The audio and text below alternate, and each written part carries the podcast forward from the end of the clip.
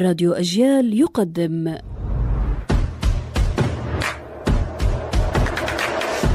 أصل الكلام عارف حجاوي كلمة حوت في القرآن الكريم معناها سمكة وهكذا يستعملها أهل المغرب وأهل جدة ونستغرب منهم.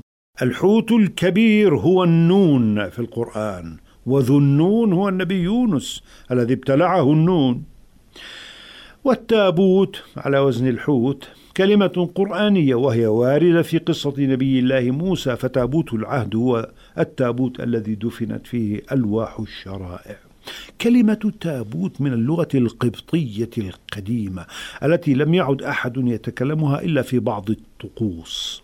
قال المثل الشعبي لمن يشكو كثيرا مع أنه ثقيل الدم قالوا له إن تموت وعلي التابوت جاء هذا في كتاب الدكتور معين هلون الكتاب المميز عن اللهجة الفلسطينية وهو من مراجعي المهمة.